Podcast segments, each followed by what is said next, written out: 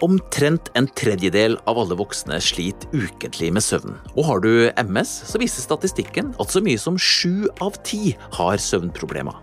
Men vet du hva? Søvnproblemer er til for å løses. Velkommen til MS-podden. Her tar vi opp viktige temaer om MS for deg som har MS eller kjenner noen som har sykdommen, og vi snakker med eksperter på området. I dag snakker vi om MS og søvn. Mitt navn er Ole André Sivertsen, og med meg så har jeg Hanne Marie Bø Lunde, nevrolog ved LHL-klinikken på Nestun, og du jobber også som overlege og forsker ved Nasjonal kompetansetjeneste for MS ved Haukeland universitetssykehus. Vi starter med det som ja, tilsynelatende er enkelt, men som kanskje ikke er det. Hva er søvn? Ja, det er et veldig godt spørsmål. Um, ja. Det vi vet, er at eh, søvn er en tilstand som både mennesker og dyr inntar for å kunne hvile. Ja. Og det er en tilstand der vi har sterkt nedsatt bevissthet. Ehm, men i motsetning til det å, å være i koma, mm. så er bevissthetsnedsettelsen reversibel. Og det vil si at en eh, når som helst kan vekke en person som sover. Ja, riktig. Jeg har litt problemer med mine barn da på morgenkvisten, men eh, jeg skjønner, jeg skjønner poenget ja, ja, ja. ditt. Ja. Det finnes de som sover veldig tungt, så det kan være litt vanskelig. ja.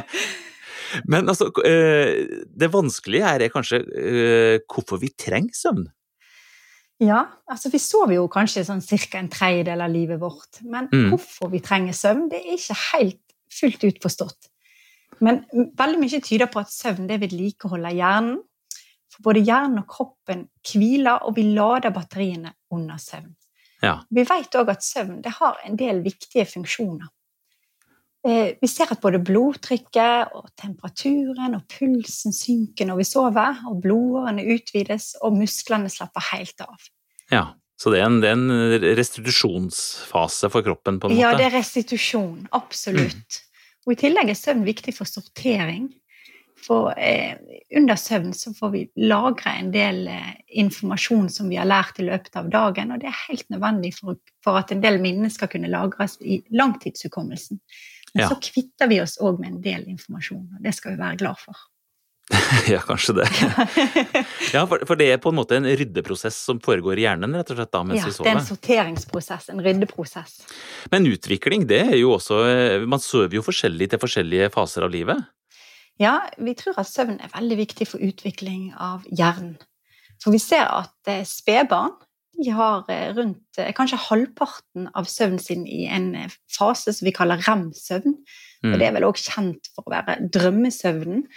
Og det er den delen av søvnen vår der hjernen er nesten like aktiv som i våken tilstand. Hvor mye søvn trenger vi egentlig, da? Sånn, eh, altså, hva er det minste, og det går det an å få sove for mye? Ja, det går absolutt an. Eh, ja. Men eh, først og fremst det er veldig mange som går rundt og tror at de skal sove åtte timer hver natt, men det er en myte. Okay. Eh, vanligvis så trenger voksne mennesker i hvert fall mellom sånn seks og ni timer søvn per natt, og gjennomsnittet ligger på rundt sju timer. Kvinner har litt mer søvn enn menn. Men det er noen som klarer seg med litt mindre søvn, og de kaller vi for såkalt kortsovere, men det er bare en liten prosentdel av befolkningen. Ja, Det er de som sover mindre enn seks, det da, eller? Ja. Det er mm. veldig, veldig få. Men det er òg helt normalt å våkne litt i løpet av natten, og at kvaliteten på søvnen varierer litt fra dag til dag. Og, ja. og søvnbehovet vårt det varierer gjennom hele livet. For eksempel så trenger både barn og ungdom mye mer søvn enn voksne. Mens når jeg blir eldre, så sover en mindre og har en lettere søvn. Og vi har òg mindre av den dype søvnen som er viktig for restitusjon. En våkner ja. gjerne tidligere på morgenen og er mindre trøtt om kvelden. Ja, ikke sant. Jeg har jo blitt min egen far. Jeg klarer jo ikke å sove lenger eh, utpå dagen, sånn som jeg gjorde i gamle dager. Så jeg har det sånn gammel, gammelmannssyndrom, det å bare våkne ja, og lure på hva man skal gjøre om dagen. ja. Hva er det som bestemmer hvor mye man skal sove? Det er et kjempegodt spørsmål. For det er faktisk tre forhold som bestemmer hvor mye og hvor lenge en skal sove.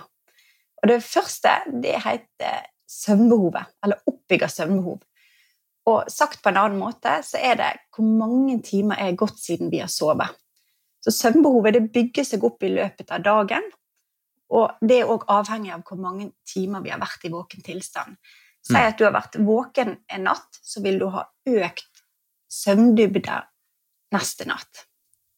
Ja. Eh, når det gjelder lengden på søvn, så reguleres det av døgnrytmen. Og døgnrytmen den styres av en biologisk klokke i hjernen, som reguleres bl.a. av dagslys. Så er mest trøtt midt på natten, og hormonet melatonin skilles ut når det er mørkt, og det hjelper oss til å sove, og det stopper opp når det er lyst. Mm. Og det, det er døgnrytmen som har avgjørende betydning for hvor mange timer en sover. Eh, la oss si hvis du har vært på en nattevakt, så er det vanskeligere å sove åtte timer hvis du legger deg på morgenen, enn om du legger deg på kvelden. Mm. Og det har med at det er vanskelig å sove lenge på en stigende døgnrytme. Mm. Men det er også derfor at det er lettere å slite med søvnen f.eks. på sommeren da, enn på vinteren? Ja, det er mm. helt rett. Mm. Vi trenger òg litt mindre søvn på sommeren. Ja. Eh, det tredje forholdet altså kan, Vi kan jo både overstyre både søvnbehovet vårt og døgnrytmen med, med oppførsel, atferd. Ja. Så eh, vi kan legge til rette for god søvn hvis vi gjør en del eh, ting som er viktig hver eneste dag, og det er å stå opp til samme tid og sørge for å få litt dagslys på formiddagen. Og trene. Vi vet at fysisk trening det øker søvndybden. Eh, men gjerne avslutte trening eh, rundt tre timer før en legger seg. For hvis du trener altfor seint, så kan du resultere at en blir enda mer våken. Mm. Og når det gjelder kaffedrikking, så ikke drikke så mye kaffe på ettermiddagene, og, og avslutte det litt tidlig på dagen. Spise ikke for tunge måltid om kvelden. Eh, og um, kanskje unngå bruk av elektroniske utstyr og skjermer. altså Skille ut blått lys sånn seint på kvelden og avslutte det i, i god tid før en skal legge seg, sånn at de siste timene før en legger seg, blir litt mer rolige. da. Mm. Altså, det du sier, det er jo, det er jo eh, relativt opplagt for oss voksne, men, men eh, ja. vi synder jo mot det hele tida, sjøl òg. Ja, vi synder, alle sammen. Til meg. Ja. er opptatt av søvn. Søvnforskeren sitter med iPaden til halv tolv. Ja. ja, ja. Så, eh, men, men sliter jeg med søvn, mm. så er det desto viktigere å, å følge disse eh, det vi kaller søvnhygienerådene. Men hvis en har god søvn fra før, så trenger ikke dette nødvendigvis å, å føles veldig slavisk. Da. Så det er mer råd for de som har problemer med søvn.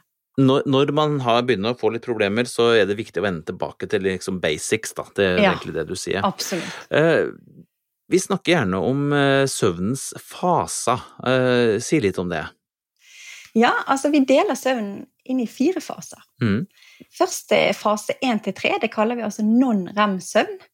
Eh, og der er stadium én og to det er veldig lett søvn, og det varer kanskje rundt 20 minutter før en går ned i den dype søvnen som er stadium tre.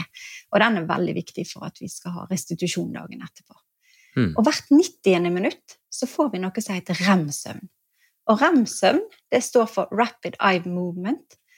Eh, og da beveger vi øynene fram og tilbake under øyelokket eh, når vi sover, og gjerne nesten like aktiv som i våken tilstand. Men musklene våre er heldigvis helt i ro. For hvis musklene våre hadde utagert drømmene våre, så kunne det blitt litt voldsomt. Og det skjer faktisk en del søvnsykdommer som heter REM, søvnforstyrrelsessykdommer. Mm. Da utagerer man drømmene i, i søvne, da. Riktig. Eh, men så er det viktig å si at en drømmer faktisk òg i stadium to. Så det er ikke bare i rem-søvn at en drømmer. Nei. Eh, hvis man er plaga med å ikke få sove, da, er det farlig? I utgangspunktet så har jeg veldig lyst til å si nei. Mm. Og, og, det er viktig å berolige folk, syns jeg. For er, dreier dette seg om kortvarig søvnløshet, så er det ikke farlig. Vi har et biologisk behov for søvn, og så ofte ordner biologien opp, og vi får den søvnen vi trenger. Har vi lagt våken en natt, så trenger ikke det å være negativt, for vi får mye dypere søvn natten etterpå. Mm. Men sånn kortsiktig er det et par netter med, med, litt dårlig søvn, så det, går det gjerne utover humøret og familien. Mm. Litt mer irritabel, kan bli litt mer labil, griner litt lettere. Og det kan jo selvfølgelig føre til redusert oppmerksomhet, og det kan gå utover litt eh, jobb og skoleprestasjoner. Og, og, en må være litt forsiktig med å kjøre bil. Mm. Mm. Eh, Men det er klart det er jo langsiktige konsekvenser hvis en går måneder og år med, med langvarig eh, søvnmangel. Og først og fremst er det knytta til utmattelse, og det kan òg føre til depresjon. Og omvendt, depresjon kan føre til søvnmangel. Mm. Og andre konsekvenser. Litt problemer med hukommelsen, økt risiko for overvekt og, og lettere for å få infeksjoner. Mm. Um, så det er en viss fare, og det er gjort store studier at hvis en i snitt sover mindre enn seks timer eller mer enn ni timer, så er det en viss fare forbundet med det. Eh, men det er jo veldig få som gjør. Mm. Eh, og så er det en søvnsykdom, søvnapné, som en absolutt bør være obs på, for det er en eh, ubehandla søvnapné. Det er forbundet med litt økt risiko for bl.a. hjertesykdommer og hjerneslag og trafikkulykker. Ja, så det er viktig å, oppdage det. Mm. Men, uh, men, jeg tenker at uh, i utgangspunktet så er det ikke farlig å sove litt lite i perioder. Og det gjør de aller fleste etter å ha en og annen natt med litt dårlig søvn. Og en skal ikke få panikk pga. det. Altså. Men det viktigste her det er, jo, det er, jo, det at det er jo tross alt uh, ubehagelig å ikke sove mye, og som du sier, det påvirker ja. jo både en sjøl i dagliglivet og også de rundt deg. Så det er, jo, det er, jo, eh, all grunn til å gjøre noe med det da, hvis man først uh, har det problemet.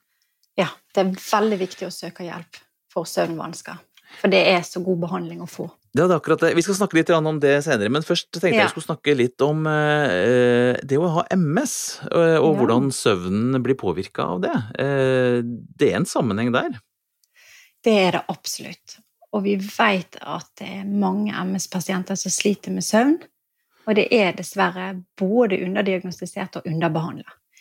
Vi vet ikke eksakte tallet, eh, men studier viser at forekomsten varierer alt fra 50 til opptil 70% av MS-pasienter har søvnproblemer.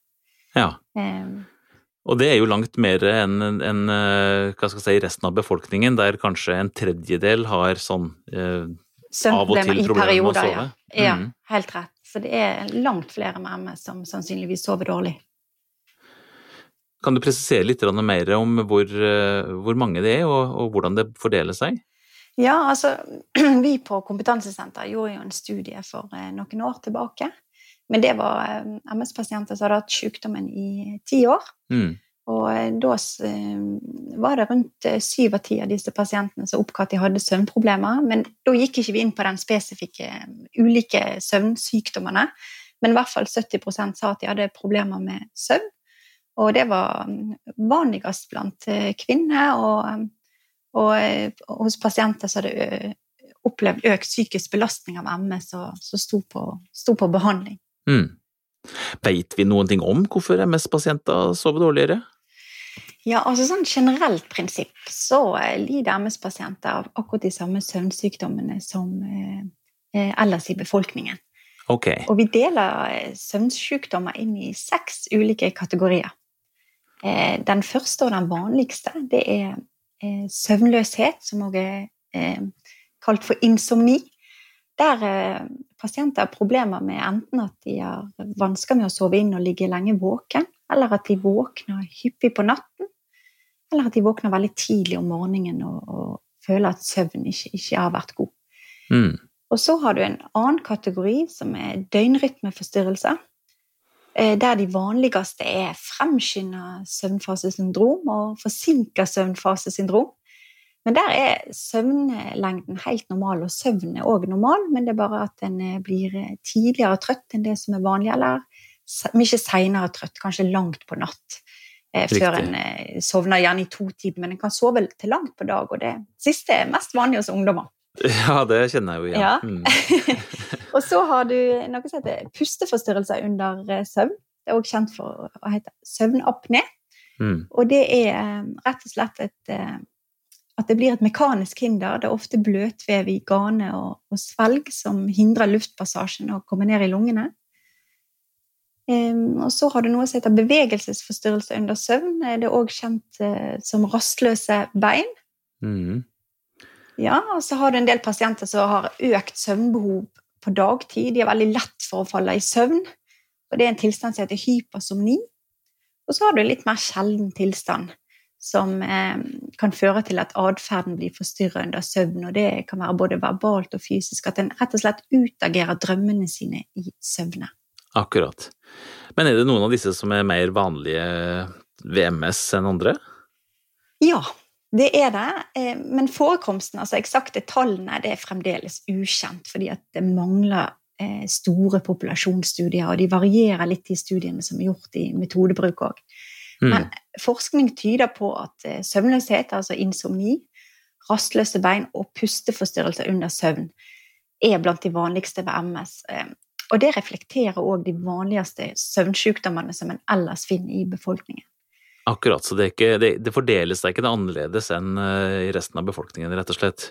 Nei, det fordeler seg ikke annerledes, men det er høyere antall. Ja, ikke sant. Vet man noen ting om hva, hva, hva som gjør det? Eh, nei, altså når det kommer til det en tror er den aller vanligste søvnsykdommen, som er insomni, altså søvnløshet, så har studier på MS vist alt fra 40 til 50% har problemer med det. Og det er mange. Mm. Og du vet at pasienter med MS har litt mer symptomer enn ellers i befolkningen. Sant? Det er, kan være smerte relatert til sykdommen som gjør at en har problemer med å sovne. Eller mm. det kan være vannlåting på natten som gjør at en våkner hyppig. Det kan være økt forekomst av kanskje depresjon og angst som gjør at en, en eh, våkner tidligere om morgenen. Så der man ser veldig tett på om det er noen symptomer som en kan behandle først. da. Og når det gjelder rastløse bein, der er det gjort store studier som viser kanskje en tre til femdobling i forhold til normalbefolkningen at eh, MS-pasienter eh, har, og det er knyttet mm. opp mot bl.a. den mer progressive varianten av MS, primærprogressiv MS, og òg eh, mot betennelsesplakk, som en ser med sykdommen, at det sitter i, i nakken. Og så har vi søvnapné, da. Der er det gjort en del studier, men noen av de er gjort bare med spørreskjema, og det er ikke nok. Eh, en må gjøre en objektiv søvnregistrering hvis en skal diagnostisere denne søvnsykdommen, om en har det eller ikke. Mm. Eh, og det er gjort noen studier der som viser en økt forekomst i forhold til, eh, til normalbefolkningen. Og hvorfor det er sånn med MS, det, en tror kanskje at det er spesielt hos pasienter som har veldig fremskreden sykdom og er er litt mer invalidisert. At det, det, du vet, det er en del MS-pasienter som sliter med både tale og svelg. Eh, mm. Problemer som kan òg øke risikoen for å få det. Og i tillegg så er det kanskje betennelsesplakk som kan være i det senteret i hjernen som regulerer søvn, som kan føre til at en får pustestans. Men er det naturlig å legge inn det for, altså, eh, for dere som er i helsepersonell, da, at man, man eh, følger opp det og spør om søvn når, når man eh, er i dialog med en pasient? Ja, jeg syns selvfølgelig det er kjempeviktig. Ja. Ha, har en god søvn, så takler en dagen mye bedre. Mm. Så jeg tenker jo at det er viktig å kartlegge det. Kanskje begynne først med å stille et åpent spørsmål. Hvordan går det med søvnen din? Mm. Og så er det et par essensielle spørsmål som kan hjelpe en til å komme inn på rett spor. Og når det gjelder søvnløshet, så kan en rett og slett spørre om det tar lang tid før en sovner, om en våkner hyppig på natten, og hva symptomer en kan ha som kan medføre dette. og og så kanskje òg be pasienten føre en søvndagbok til neste konsultasjon, der en registrerer når en legger seg, og hvor mange ganger en tror en har våkna, og hvordan en òg fungerer på dagtid. For det er jo sånn at en dårlig Har, har man dårlige netter, så, så er, har en redusert eh, funksjon på dagtid. Mm. En blir lettere utmatta, redusert konsentrasjon og hukommelse. Og klart, dette er jo symptomer som en kan også ha, som MS-pasienter kan ha uten å ha søvnvansker.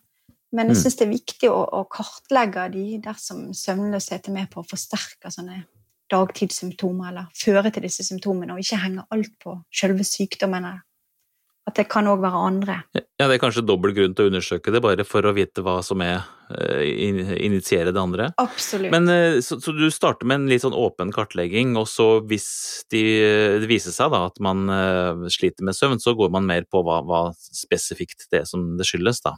Ja, og, og da, hvis en får mistanke om at pasienten er veldig trøtt på dagtid, og, og kanskje ektefellen er med til konsultasjon og sier at jeg, jeg merker at eh, ektefellen min har pustestans under søvn, mm. så er det veldig viktig å ta tak i det. Og da kan en spørre om, eh, om en snorker har problemer med høylytt snorking, for det er veldig vanlig med pustestans. Og et av kjernespørsmålene det er å spørre om om de kjenner seg mer trøtt når de våkner om morgenen enn når de legger seg kvelden i forveien. Ja. Og andre spørsmål er om en er plaga med hodepine, spesielt i pannen, og munntørrhet, og òg de samme eh, forholdene på dagtid, at en er plaga av utmattelse, og, og spørre litt om de kognitive symptomene. Mm. Eh, når det gjelder urolige bein eller restless legs, så, så, er det viktig å spørre om en kjenner på kribling eller uro i beina, ofte i tykkleggene, og at den kriblingen er verst om kvelden, og om en da kjenner en trang til å bevege på beina, og om denne bevegelsen faktisk lindrer plagene òg. Mm. Og så kan en gå videre, for det fins jo spesifikke spørreskjemaer både på søvnløshet og rastløse bein. Og, og har en òg mistanke om søvnapné, så, så, kan en henvise til et søvnlaboratorium, og det fins på alle store sykehus i Norge. Og da kan en sove hjemme og få med seg et apparat som ja. registrerer ulike kroppsfunksjoner i løpet av natten. Ja. For det, for det å eh, få, få, eh, undersøkt søvnkvaliteten sin i dag, det er noe man har teknologi til å egentlig eh, ja, få gjort ganske bra, selv i ditt eget hjem? Ja, absolutt. Og det er utrolig. Da kan du se eh, hvordan, hvor mange pustestopp en har, og hva er gjennomsnittlig puls og metning, og du kan òg registrere bevegelsen i både brystkassen under søvn, og hva liggestillingen har. Sover en mest på rygg, eller sover en mest eh, på siden? Så det er veldig fascinerende det en kan registrere mm. i dag, ja. Og en kan òg ofte avkrefte at en pasient eh, som sier at han har sovet veldig lite, faktisk har sovet mer enn en tror. For det er veldig vanlig. Ja, det er veldig bra. Altså, jeg har en far jeg, som hevder at han bare har ligget og vridd seg hele natta. og så, Han ble jo sendt faktisk på, på laboratorium, og han fant, og der ble han sendt rett hjem igjen og sa at du sover mer enn nok, du, så du kan bare ja, slappe av. Slutt å klage. Det. ja, det ser vi veldig ofte. Det, det er ofte de negative tankene omkring søvn. Det er ikke alltid de stemmer. Nei, nei, altså. Innbilt, mm. innbilt søvnvansker er på en måte Det er greit å få unna, da, for da føler man seg jo mye bedre når man vet at man faktisk ja. sover nok. Kjenner deg opplagt med en gang, da. Mm. Ja, ikke sant. Men hvis man uh, først har påvist da, at uh, man sliter med, eller har problemer med søvn, rett og slett, uh, hvordan behandler man det da? Ja, altså Det kommer jo litt an på hva søvnsykdommen har, men la oss ta de vanligste. Hvis vi tenker på søvnløshet, så er det ved MS veldig viktig å kartlegge om det er symptomer. Er det smerter som gjør at en ligger våken, så er det viktig med god smertebehandling. Er det vannlating, så kan en få hjelp til det. Og med depresjon så er det viktig å søke hjelp og behandling for det. Og kanskje gå gjennom medisinlisten og se om det er noe der som kan føre til søvnproblemer. Mm. Men det er ikke alltid nok å behandle symptomene. Det er veldig viktig å understreke. Mm. For det kan ha vært et utløsende symptom som har gjort at en ligger våken. Men selv om en behandler det, så kan faktisk søvnløsheten vedvare. Og det er viktig å behandle begge deler uavhengig. Ja. Så er det å gi disse gode søvnhygienerådene som jeg var inne på tidligere. Og jeg tenker også, En må skille litt mellom akutt og kronisk søvnløshet. Mm. Er det et akutt tilfelle, la oss si det er litt konflikter på jobb, er det en skilsmisse en går gjennom, sorg av andre grunner, så kan det være greit å ta kanskje litt innsovningsmedisin, men det anbefales ikke for mer enn kanskje maks tre uker. Og det er pga. risiko for avhengighet, og så òg fordi medisin virker ikke like godt med langtidsbruk. Nei. Men generelt har en tre dager per uke, kanskje de siste tre månedene, så kaller vi det for kronisk søvnløshet. Og kronisk, det betyr ikke at ikke du ikke kan bli frisk. Det er veldig viktig å si. Nei. Nei. Mm. Eh, men da er det noe som heter kognitiv atferdsterapi, som har vist seg å være langt mer effektiv enn sovemedisin. Ja. Kanskje så mange som åtte av ti blir veldig bra med denne behandlingen. Og det går ut på at pasienten sjøl lærer seg teknikker som gjør de i stand til å ta kontroll over sin egen søvn. For det er jo ofte en del negative tanker og urealistiske forventninger som er med på å vedlikeholde søvnproblemene. Ja. Så en tar tak i disse psykologiske eh, forholdene. Og i tillegg så er det jo sånn har en har en vært, eh, hatt problemer med søvnløshet over lang tid, så mister en litt av den følelsen av å være søvnig. En føler seg bare veldig utmattet og sliten. Så en del av behandlingen går ut på at du skal ikke ligge i sengen mer enn den tiden du faktisk sover.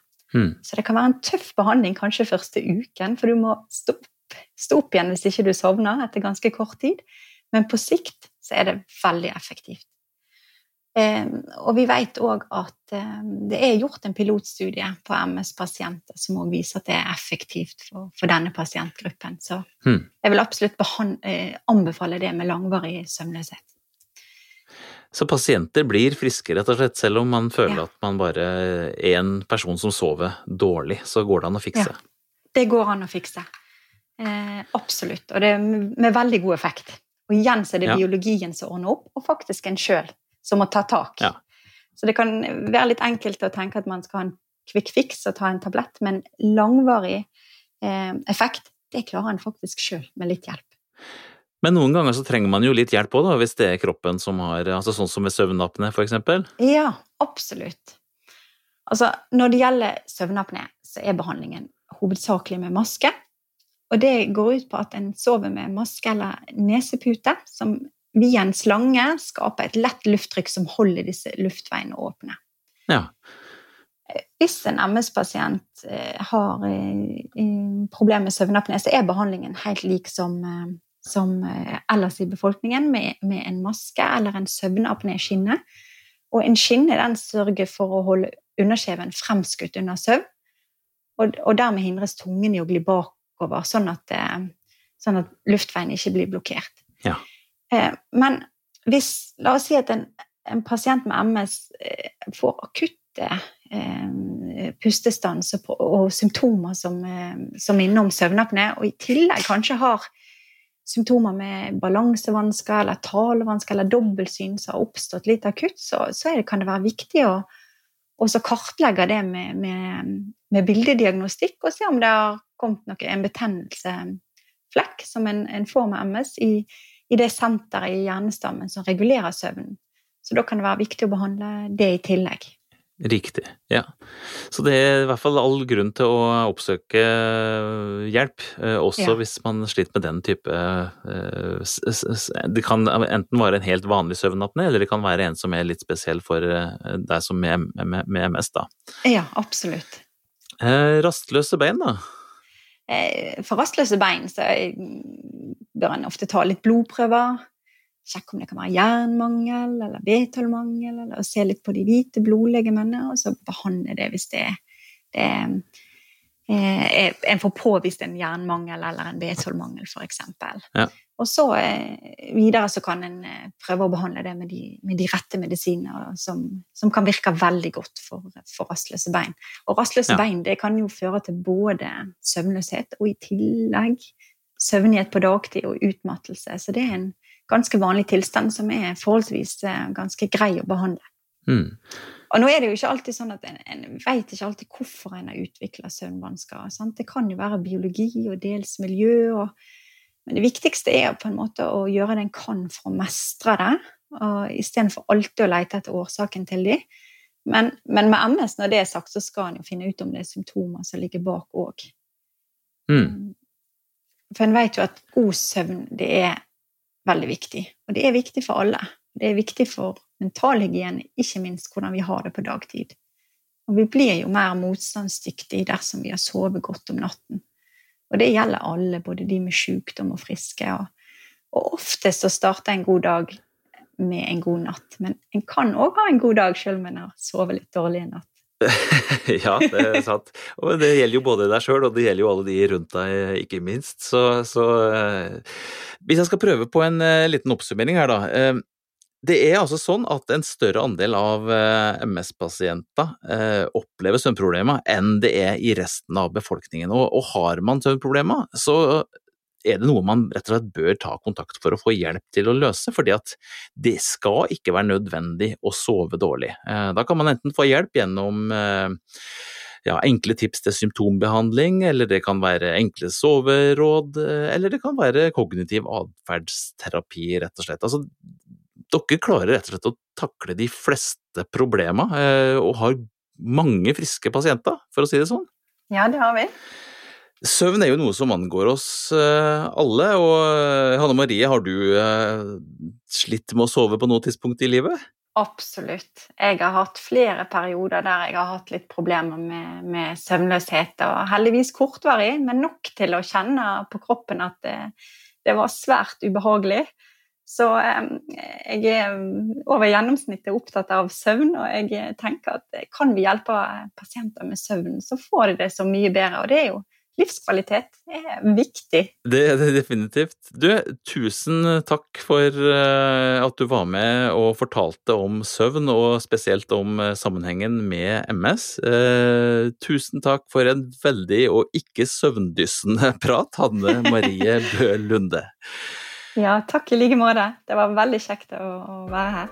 Det gjenstår nå bare å si at eh, MS-podden er i regi av Biogen. Eh, jeg avslutter med å minne om at ved å abonnere på MS-podden, så kan du høre oss ta opp flere problemstillinger og viktige temaer om MS, forklart av folk med spesialkompetanse.